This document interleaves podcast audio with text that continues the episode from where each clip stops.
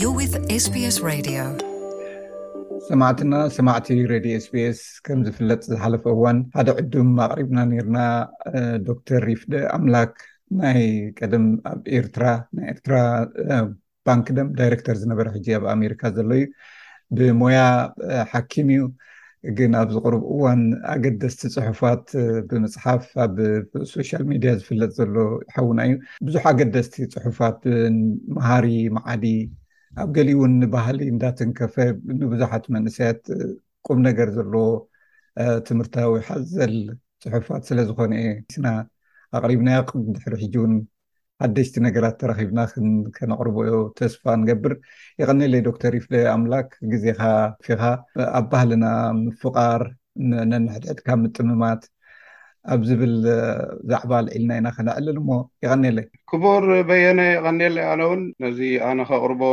ወይ ዘቕረብክዎ ወይ ከቕርቦ ተዳልየ ዘለኹ ዝዓደምካኒ ንህዝቢ ጠቅም ኢልካ ብምሕሳብካ ደጊመ ከመስግነካ እፈቱ። ከምቲ ዝበልክዎ ኣብ ገሊኡ ኣብ ማለት ባህላዊ ኣባህላ ቅድሚ ሕጂ ናይ ኣቦታትና ዝፀንሐ ተበጊስካ ኢኻ ገለ መልእኽቲ ንእሽተይ ግን ከዓ ኣዝዩ ኣገዳሲ መልእኽቲ ትፅሕፍ እሞ ብፍላይ ኣብዚ እዋን እዚ ድማ ኣገዳሲ እዩ ዝበልክዎ ሓንትላ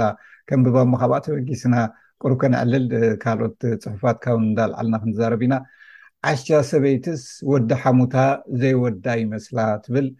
ኣብ ሓደ እዋን እዩ ኣብ ኣስመራ ሰለስተ መበቆላዊ ዓድታቶም ካብ ሰለስቲኤን ኣውራጃታት ከበሳ ኤርትራ ዝኾኑ መሳርሕቲ ይዕልሉ ነበሩ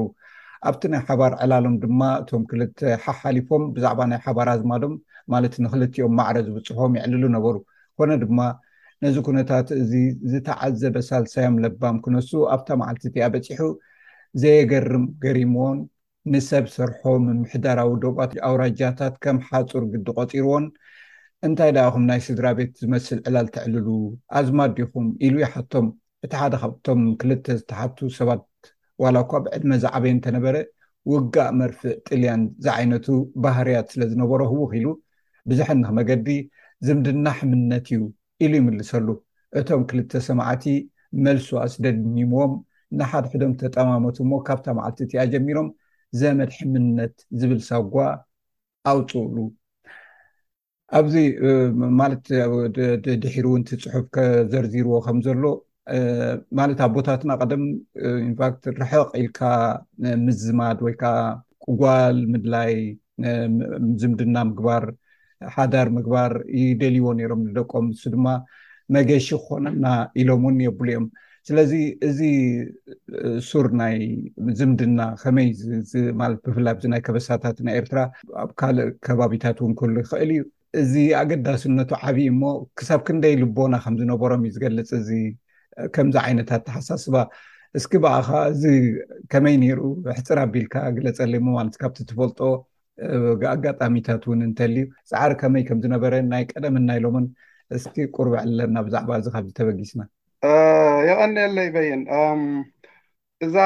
ዛንታ እዚኣ ዝፀሓፍኩዋ ካብ ውልቃዊ ተመክሮ እያ ካብቶም ሰለስተ ሓደ ኣነ ንባዕለ እየ ክብለካ እቲ ኩነት ነይሩ ደሓን ኣብቲ ዝርዝር ናይቲ ናይቶም ሰባት ምእታው ኣድልየናን እዩ ኣሕዋት ኢና ኩልና ፀገም የብሉን ግን ኣተሓሳስባ ናይ ሰባት ስለ ዝፈላለ እዩ እምበር ሕጂ ነዚ ብተግባር ንምግላጽ እንተኾይኑ ኣነ ንባዕለይ ብዛዕባ ነብሰይ ጥራሕ እየ ክዛረብ ዝደሊ ምክንያቱ ብዛዕባ ነብሱ ዝዛረብ ሰብ ከሳሲ የብሉን ብዛዕባ ካልኦት ተተዛሪብካ ኢኻ ጸገም ተምጽእ እምበር ማለት ናተይ ናይ ወለዶ ሓረግ እየ ክገልጽ ኣነ ከም ውልቀ ሰብ ወዲ ሓማሴን ወይ ወዲ ዞባ ዓንሰባ በዚ ሕጂ ዘሎ ናይ ምምሕዳር ሽንሸና እየ ዝብሃል ግን ኣነ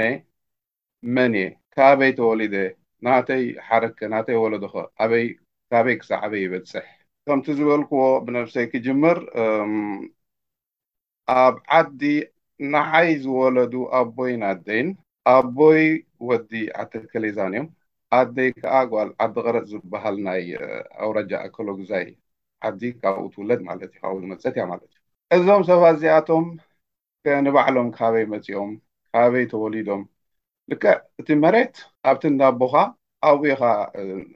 ዓደይ ወይ ድማ ርስተይ ትብሎ፣ ጎረባብቲ ዓድኻ ኣሎ ጎረቤት ዓድኻ ከሎ ንኣብነት ከም ስም ንዓት ተከሊዛን ጠቂሰ ኣለኹ ኣብ ጎረባብታ ዝተወሰና ዓድታት ኣለዋ ኣሽማተን ምጥቃስ እውን ኣድላይ ተኮይኑ ንኣብነት ደቂ ምሓረ ዝበሃል ዓድላ ደቂ ገብሩ ዝበሃል ዓድላ ደቂ ዘርኡ ወዘተርፈ ማለት እዩ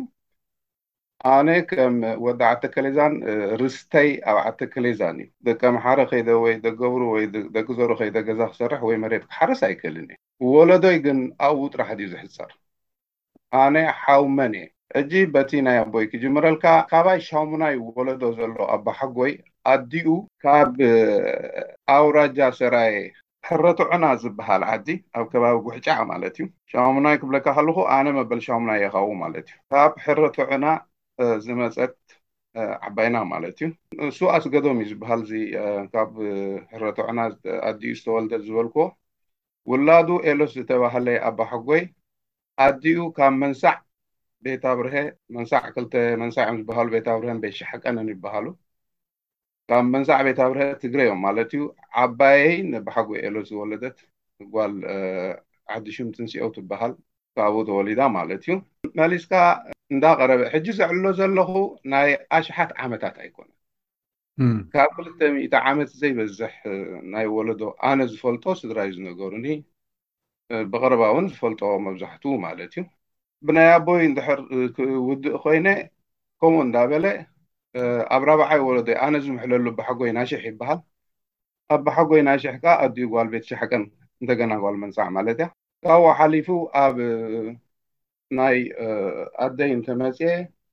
ኣደይ መሰረቶም ስድራ ሳሆ እዮም ካብቶም ዓሌት ናይ ሳሆ ብዙሓት እንዳታት ኣለዉ ሳሆ ሓደ ካብኦም ዓሳውርታ ዝበሃል ቤት ኣሎ እዞም ሰባት እዚኣቶም ካብ ዓሳውርታ ንኣርባዕተ ስመራ ዝመፀ ሓደ ሰብኣይ ነይሩ ኣርባዕተ ስመራ ኣርባዕተ ገዛ እዮም ሽሞም እውን ብዝርዝር ክገልፆም እየ ቤታ ስምዐ ወይ ገዛ ስምዐ፣ ገዛ ሽለለ፣ ገዛ ግረቶም፣ ገዛ ስርንስር ይበሃሉ። እቶም ገዛ ስምዐ ዝበሃሉ ኣስምዐ እሽማኤል እዩ፣ እሽማኤል ከኣ ሰኹ እዩ። ሕጂ ካብዚ ነቒሉ ካብቲ ናይ ኣርባዕተ ኣስመራ መሬቶም ማለት እዩ ገለ ካብቶም ናይ ኣደይ ስድራ ናብ ዓዲ ቐረጽ ወይ ድማ ኣከለጉዛይ ከይዶም ማለት እዩ። ኣብኡ ከይዶም ምስ ከባቢኦም ዘሎ ምስ በዓል ኣውልዕጸሩ ምስ በዓል ማዕረባ ሓደግቲ ማለት እዩ ማዕረባ ምስኦም ዝምድናታት ኣለዎም ከምዚ ዝበልናዮ ማለት እዩ። እዚ ከምኡ ኢሉ ይቕጽል፣ ብኻልእ ወገን ኣብ ናይ ኣቦይ እንተ መጺእካ፣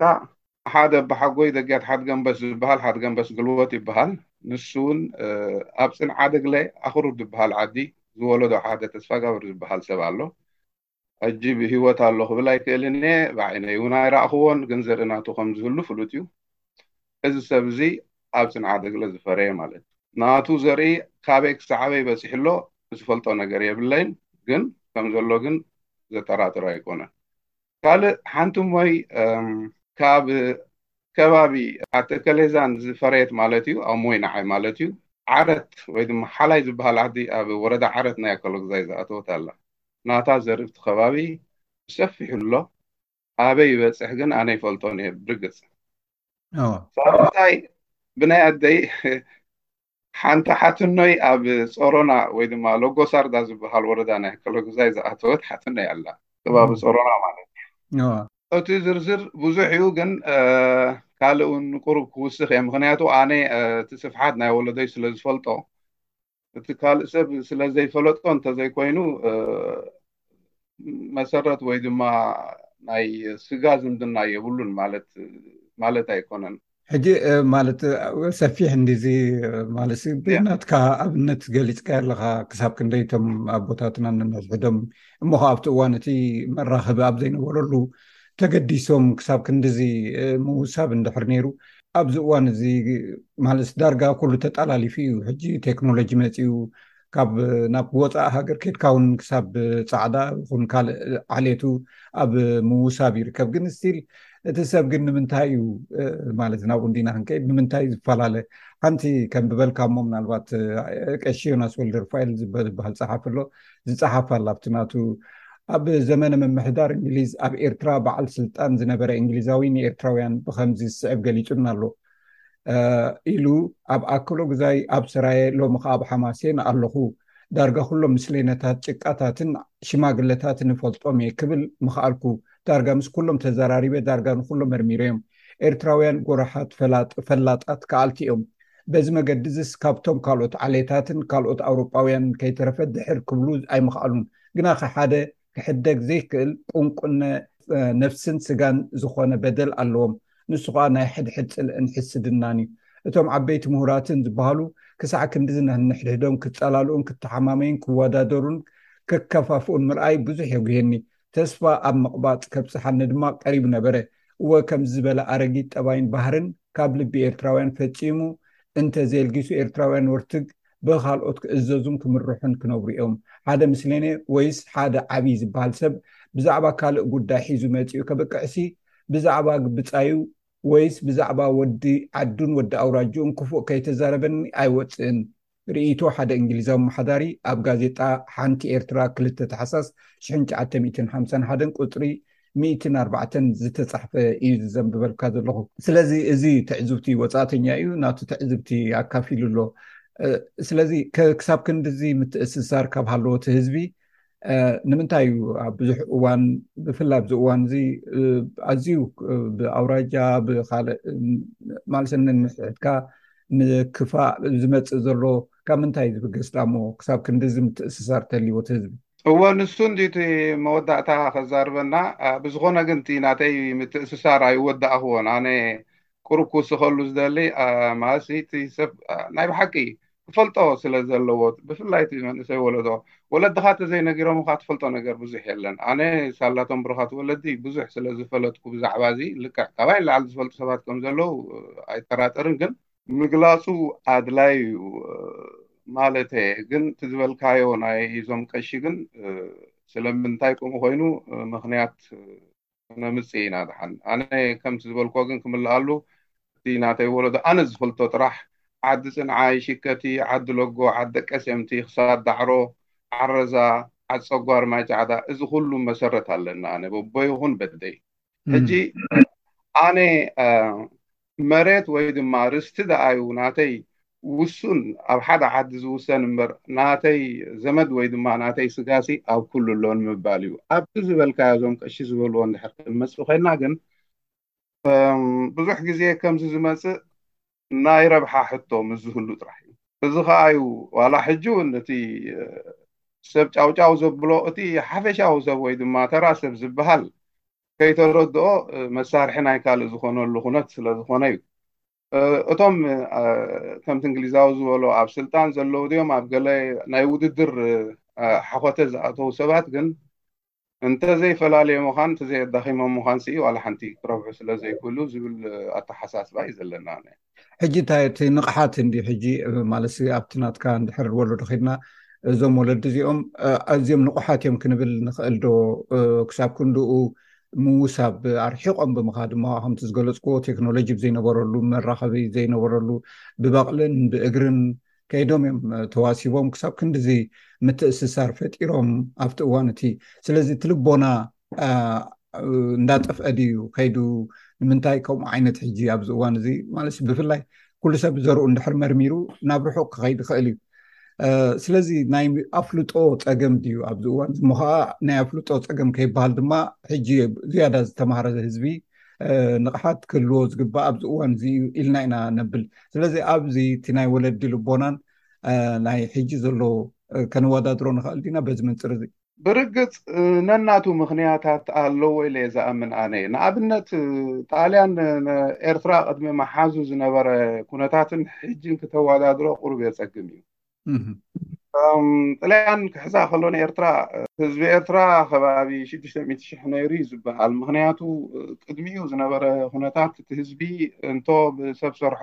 ሽግራት ብኹናትን ብገለን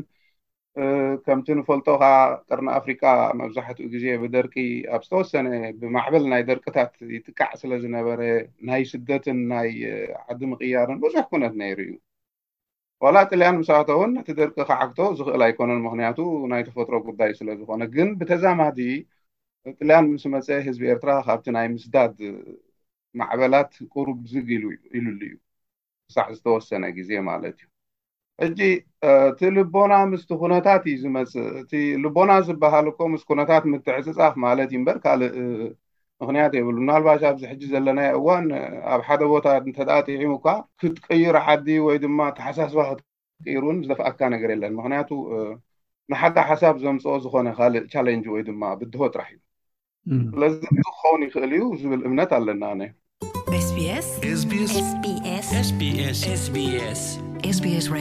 ሕራይ ፅቡቅ ናይ ሕምነት እንዲና ክንዛርብ ፀኒሕና ምናልባት እቲ ምፍታው ከመይ ዝመስል ሓንቲ ዝፀሓፍካያ ትማሊ ወይ ሎሚ ይመስለኒ ሓንቲ ሕቶ ኣላትኒ ኢልካ ስለምንታይ እዮም ደቂ ተባዕትዮ መብዛሕትኡ ግዜ ካብ ንወዲ ሓወቦኦም ንወዲ ሓፍትንኦም ዝያዳ ዝፈትው ኢልካ ብዙሓት ክምልሱ ርኤ ኣብዚ ማለት እቲ ምዝማድ እንዲና ንዛረብ ዘለና ከመይ እቲ ዝምድና ሕጂ ዝያዳ ኣብ ከም ባህልና ኣቦኻ ኢኻ ትቁፅር ኣብ ብዙሕ ግዜ ማለት እዩ ዋላ ርስቲ እውን ናይ ኣቦኻ ኢኻ ትወርስ እምበር ኣብ እንዳ ኣዴኻ ከድካ ኣይተብልን ኢኻ ኣብዚ ከም ምብልላፅ ኣሎ ሕጂ ስኻ ንኣብነት ወለዶኻ ከበቦኻ ኣብ ከባቢ ዓንሰባ ወይ ዞባ ዓንሰባ በዴኻ ድማ ካብ ኣክሎ ጉዛይ እንድሕር ኮንካ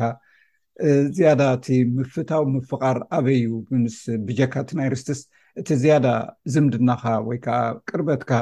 በቲ ስርዓት ሕራይ ናብ ኣቦ ናይ ኣቦኻ ዘርእኻ ትሕዝ ግን እቲ ናይ ምፍታው ነገርከ እቲ ናይ ምቅርራብ ነገርከ ምስ ናይ ኣዴኻ ዘለዎ ዝምድና ዶ ይጠብቕ ወይስ ምስ ናይ ኣቦኻ ብማለትሲ ባህርያዊ ክትሪኦ ከለኻ ወይ ባህላዊ? እዋእ ሕጂ ክልቲኡ ክንጠቕሶ እቲ ከምዚ ዝበልካዮ ዳርጋ ባዕልኻ ውን ዝገለጽካዮ ኮይኑ ይስምዓኒ ኣሎ ብባህርያዊ ወይ ድማ ብተፈጥሮ ናይ ኣደ ንፍቕሪ ናይ ኣቦኻ ንኽብሪ ዝብል እምነት እዩ ዘለኒ ምኽንያቱ ነዴኻ ሲ ኣብ ሰብ ጥራሕ ዘይኮነ ዋላ ኣብ እንስሳታት ተሪኢኻያ ሲ ኣንጊህኻ ትፈልጣ ወይ ድማ ብዕሸልካ ትፈልጣ ኣዴኻ እያ። ነቦኻ ቀስ ኢልካ ደሓር ልቢ ምስ ገበርካ ኮታ ምስቲ ኩነታት ኢኻ ትኸይድ። ግን ብባህሊ ናይ ህዝብና እንተ ኬድናዮ ወዲ ተባዕታይ ናይ ናይ እንዳቦኡ እዩ ዝወርስ ከምቲ ዝበልካዮ ናይ ኣቦና ዘርኢና ከኣ ንቆጽር። እምበር ኣቦይን ኣቦሓጎይን ንዓይ ማዕረ እዮም ዝበፅሑኒ ሓምሳ ኣነ ካብ ኣቦይ ሓምሳ ካብ ኣደይ ሓምሳ እየ ተወሊደ ጀነቲካሊ እንድሕር ርኢኻዮ ግን እቲ ናይ ምጥባቕ ነገር ኣብ ሰባት ግን እንተርኢኻዮ ኣደ ዝያዳ ትፍቶ ማለት እዩ ካብ ኣቦ ኣቦ ኣይፍቶን እዩ ማለተይ ዘይኮነስ ብተፈጥሮ ግን መጀመርታ በዴኻ ስለ ትጅምር ኣብዚ ዓለም እዚኣ ክትመፅእ ከለኻ እቲ ፍቕሪ ምስ ኣደ እዩ ዝኸይድ ብባህሊ ግን ናይ ኣቦታትና ኣሽማት ብፍላይ ኣብ ናትና ባህሊ ማለት እዩ እምበር በዲኦም ዝቆፅሩ ካልኦት ዓሌት እውን ኣይሰኣኑን እዮም ግን ኣብ ናትና ባህሊ ተሪኢኻያ በቦና ኢና ንቆፅር ሕጂ እታ ዘምፃእኽዋ ወዲ ሓትንኡ ካብ ወዳ ንወዲ ሓወቡስ ወዲ ሓትንኡ ዝያዳ ይፈቱ እወ እቲ ነገር ብተግባር ዝረአ ነግበር ዝረአ ነገር እዩ ምክንያቱ ምስ ወዳ ሓወቦኻ ኣብ ውርሻን ኣብ መሬትን ስለትራኸብ ኩሉ ግዜ ምጥምማት ኣሎ ምስ ወዳ ሓትኖኻ ግን ዘራኽብ የብልካን ዋላ ኣብ ሓደ ዓዲ ዋላ ተወለዳ ኣብ ከብዲ ዓዲ ዝኣተዋ ኣዴታት እውን ክህልዋ ክእላ እንድየን ዋላ ሓንቲ ብውርሻ ዘጠማምት የብልካን ነናይ ኣቦኻ ስለትወርስ ማለት እዩ ካብኡ ሓሊፉ እንተ ኣብ ካልእ ዓዲ ርሕቕ ዝበለ ኮይና ኮይኖም ደቂ ሓትኖይ ተወሊዶም ድሕሪ ክንደይ ግዜ እየ ዝረኽቦም ስለዚ ብፍቕርን ብናፍቖትን ኢኻ ትጽበዮም እዚ ሕጂ ሓፈሻዊ ዘራርባ እምበር ግድነት ስትሪክትሊ ከምኡ እዩ ማለት ግን ኣይኮነን እምበር ምስ ወዳ ምስ ወዳ ሓወቦኻ ዘባእስ ነገር እንተ ዘይሃልዩካ ዋላ ሓንቲ ዘይትፈትወሉ ምኽንያት የለን። ስለዚ ከም ሓፈሻዊ ኣነባብራ ናይ ህዝብና ክትሪኦ ከለኻ ግን ኣብ ርስትን ኣብ ጉልትን ዝራኸቡ ደቂ ሓወቦታት እዮም። ደቂ ሓትኖታት ኣብ ርስትን ኣብ ጉልትን ዘይኮኑ ዝራኸቡ ኣብ ኣብ መርዓ ድዩ ኣብ ሞት ድዩ ኮታ ኣብ ምትሕግጋዝ እዮም ዝያዳ ዝራኸቡ ስለዚ እቲ ፍቕሪ ኣብኦም ይሓይሽ ማለት እዩ ሓንቲ ምስላ ኣላ ናይ ትግርኛ ዝባንካ ወደቦ ይርኣዮ ከብድኻ ሓምሊ ምልኣዮ ዶ ገለ ትባሃል ሕጂ ወደቦ ማለት ወደቦ እኮ ወደቦኻ ሓውካ ማለት እኮ ሕጂ እንታይ ማለት እዩ ንሓውካስ ንሓውሲ ከም ፀላእዮም ዘቕርብዎ ዘለዉ ግን ንሓውካ ከም ጸላኢ ክተቕርቦ ዘገድደካ ነገር እንተ ዘይሃልዩ፣ ዘባእሰካ ነገር እንተ ዘይሃልዩ፣ ጸላኢኻ ኣይኮነን፣ ሓውካ እዩ። ግን ኣብ ተግባር ኣብ ናይ ህዝብና ናይ ውርሻ ጉዳያት ክትሪኦ ከለኻ፣ ኣብቲ ናይ ቀደም ብፍላይ ኣብቲ ባህላዊ ኩሉ ግዜ ዝበኣሱ ደቂ ሓውቦታት እምበር ደቂ ሓትኖታት ክበኣሱ ርእየ ኣይፈልጥን እየ ኣነ። ስለዚ ካብኡ ዝመጸ እዩ እቲ ምስላ ማለት እየ። ዝገርም እዩ እጅቲ ተምፆውን ይዓጅበኒ እንዲ ኣብ መንጎ መንጎቲ ምስላውን ተምፆ ንኣብነት ኣቀድማ ኣቢልካ ዝበልካያ በቦካ ዝመፅእ ንክብሪ እዩ ብክስታይ ከዓ ንፍቅሪ ንበዴካ ዝኮነ ነገር ከዓ ንፍቅሪ እዩ ዓይነት ተዛሪብካኒ ሞ ሕጂ ብሓፈሻ ናብቲ መጠቃለሊ ክንከይድ እቲ መልእክቲ ኩሉ ግዜ ኣብቲ መወዳእታውን መልእክቲ ኢልካ ትህቦ ነገር ኣሎ ስለዚ እንታይ ኢና ክንምሃር ንኽእል ካብዚ ትገብሮ ዘለካ ካብዚ ትብሎ ዘለካ ኩሉ ግዜ መልእክቲ ኢካ ትሕልፍ ዘለካ ሰባት ማለት እዩ ናብ ፍቅሪ እንኸደሉ መገዲ እንታይ ክኸውን ይኽእል ምስዚ ኩነታት ምስ ቴክኖሎጂ በሎ ኮሚኒኬሽን ነንሕድሕድካ ምርካብ ኣዝዩ ፀኒዕሉ ኣብ ዘሎ እዋን ዝያዳ ክንቀራርበሉ ንኽእል መገዲ እንታይ እዩ? ሕጂ ክሪኦ ከለኹ ግን ብፍላይ እዚ ማሕበራዊ መራኸቢታት ክንዲ ዘፋቕር ኣብ ብዙሕ ግዜ ዝሪኦ ኣብ ምትፍናን ነንሕድሕድካ ምቅታል ዓሌት እናልዓልካ ምዝንጣል እዩ በዚሑ ሕጂ እዚ እዋን እዚ ናብ ረብሓና ከነውዕለሉ ንኽእል መገዲ ኣሎ ዶ ማለት ንጅንኣብነት ናትካ ወለዶ ብምቁፃር የሕዋት እባ ኢና ተቋፃፂርና እንድሕር ዘርዚርናዮ እቲ ነገርሲ ኣብ ገለስ ክንራኸብ ኢና ንኽእል ከብል ይኽእል እዩ ከምዚ ዓይነት ዛንታታት ክነምፅእ ከለና ማለት እዩ ስለዚ ከምዚ ብምግባር ክመፅእ ዝኽእል ምትእስሳር እንታይ ኣሎ ብፍላይ ነዚ ማሕበራዊ መራኸቢታት ተጠቂምና ክንጉስጉሰሉ ወይከዓ ነንሕድሕድና ይህን ምሂን ክንበሃሉሉ ንኽእል መገድታት እንታይ ኣሎ እወ ሕጂ ሰብ ብኣፍልጦን ብዘይኣፍልጦን እንድዩ ጌጋታት ዝገብር ኣነ እንታይ ምበልኩ ኣነ ሕጂ ዝተወሰነ ኣፍልጦ ስለ ዝፀንሓኒ ሳላ ስድራይ ከም ፀዓንተቦይ ዝበልክዎ ነዚ ነገር እዚ ክሪኦ ከለኹ እዚ ናይ ማስ ሜድያ ዕግርግር ብጣዕሚ እዩ ዘሕርቐኒ ወይ ድማ ዘሰንበደኒ ሓደ ሓደ ግዜ ዝዛረብዎ ዘረባታት ሕጂ ነዚ ነገር እዚ ንምቕያር ወይ ንምቕልባስ ግን እቲ ገለ ዓቕሚ ዘለዎ ሰብ ወይ ድማ ዝፈልጥ ብዛዕባ ወለዶታት ድዩ ብዛዕባ ካልእ ናይ ፍቕሪ ታሪኽ ብዙሕ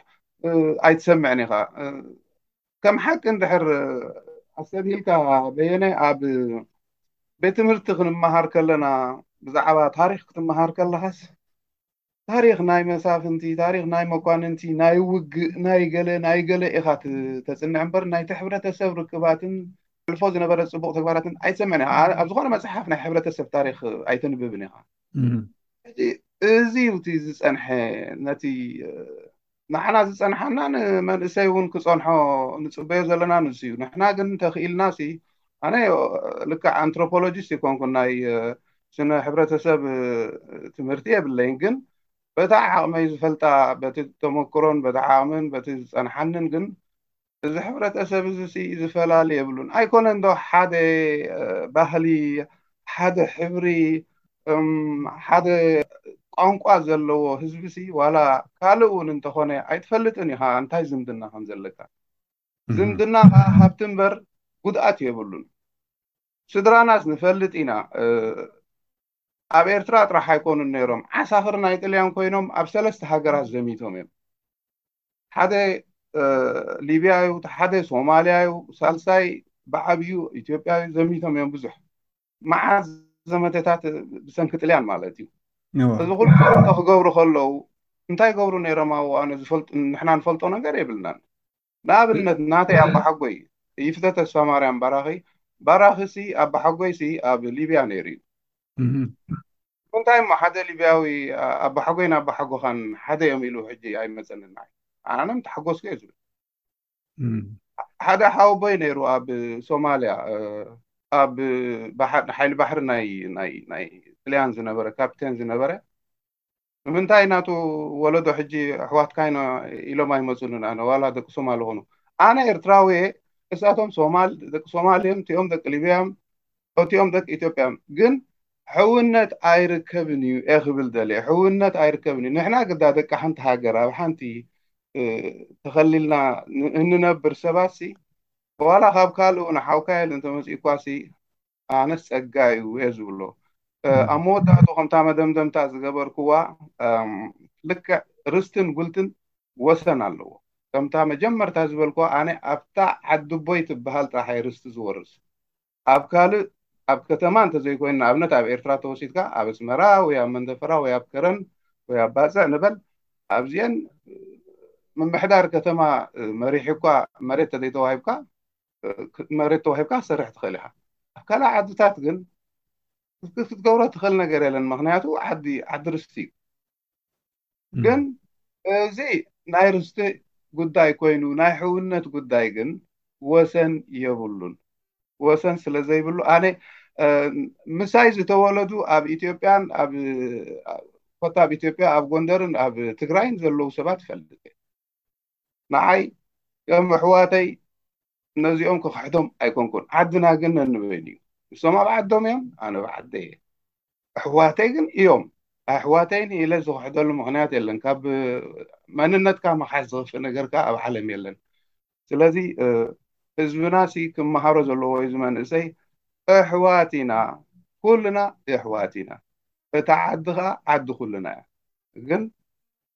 ብሰላም ክንነብር እንተኾይንና ነቲ ሓቂ ክንፈልጦ ኣለና እሞ ብድሕሪኡ ዓድና ከኣ ካብቲ ዘላቶ ወይ ዘሕለፈቶ ናይ ዓመታት ስቓያት ክትወጽእ እንተኾይና ንሕና ሕውነትና ክርዳኣና ክኽእል ኣለዎ በሃላይ እየ። ብጣዕሚ ጽቡቕ መእሰሪ ኢኻ ጌርካልና ዶክተር ሪፍዳ ኣምላክ ዜሩ ዜሩ ፍቕሪ ዝጠምር እሞ ከምዚ ዓይነት ጽሑፋት ልቦና ዝመልኦ ሓሳባት እንዳካፈልካ ንመንእሰያት ክትምህር ኣብ መጻኢ እውን እንዳዓደምናካ ከነዕልል ተስፋ ይገብር ስለዝሃብካኒ ማለት ውልቃዊ ታሪክካ እውን ስለዘካፈልካና ኣዝየ መስግነካ ኣብ ካልእ እዋን ብካሊእ ይራኸበና ይቀኒለይ ሕራይ በይን ሓወይ ክብረት ሃበለይ ከም ቀደምካ ዳሓን ኣብ ዝኾነ እዋን ከኣ ኣገዳሲ ዝበልናዮ ነገር ኣልዒልና ክንዛረብ ኢና ብሩኽ መዓልቲ ግበረልኩም። SBS ትግርኛ መደባትና ኣብ ፌስቡክ ሸር ግበርዎ።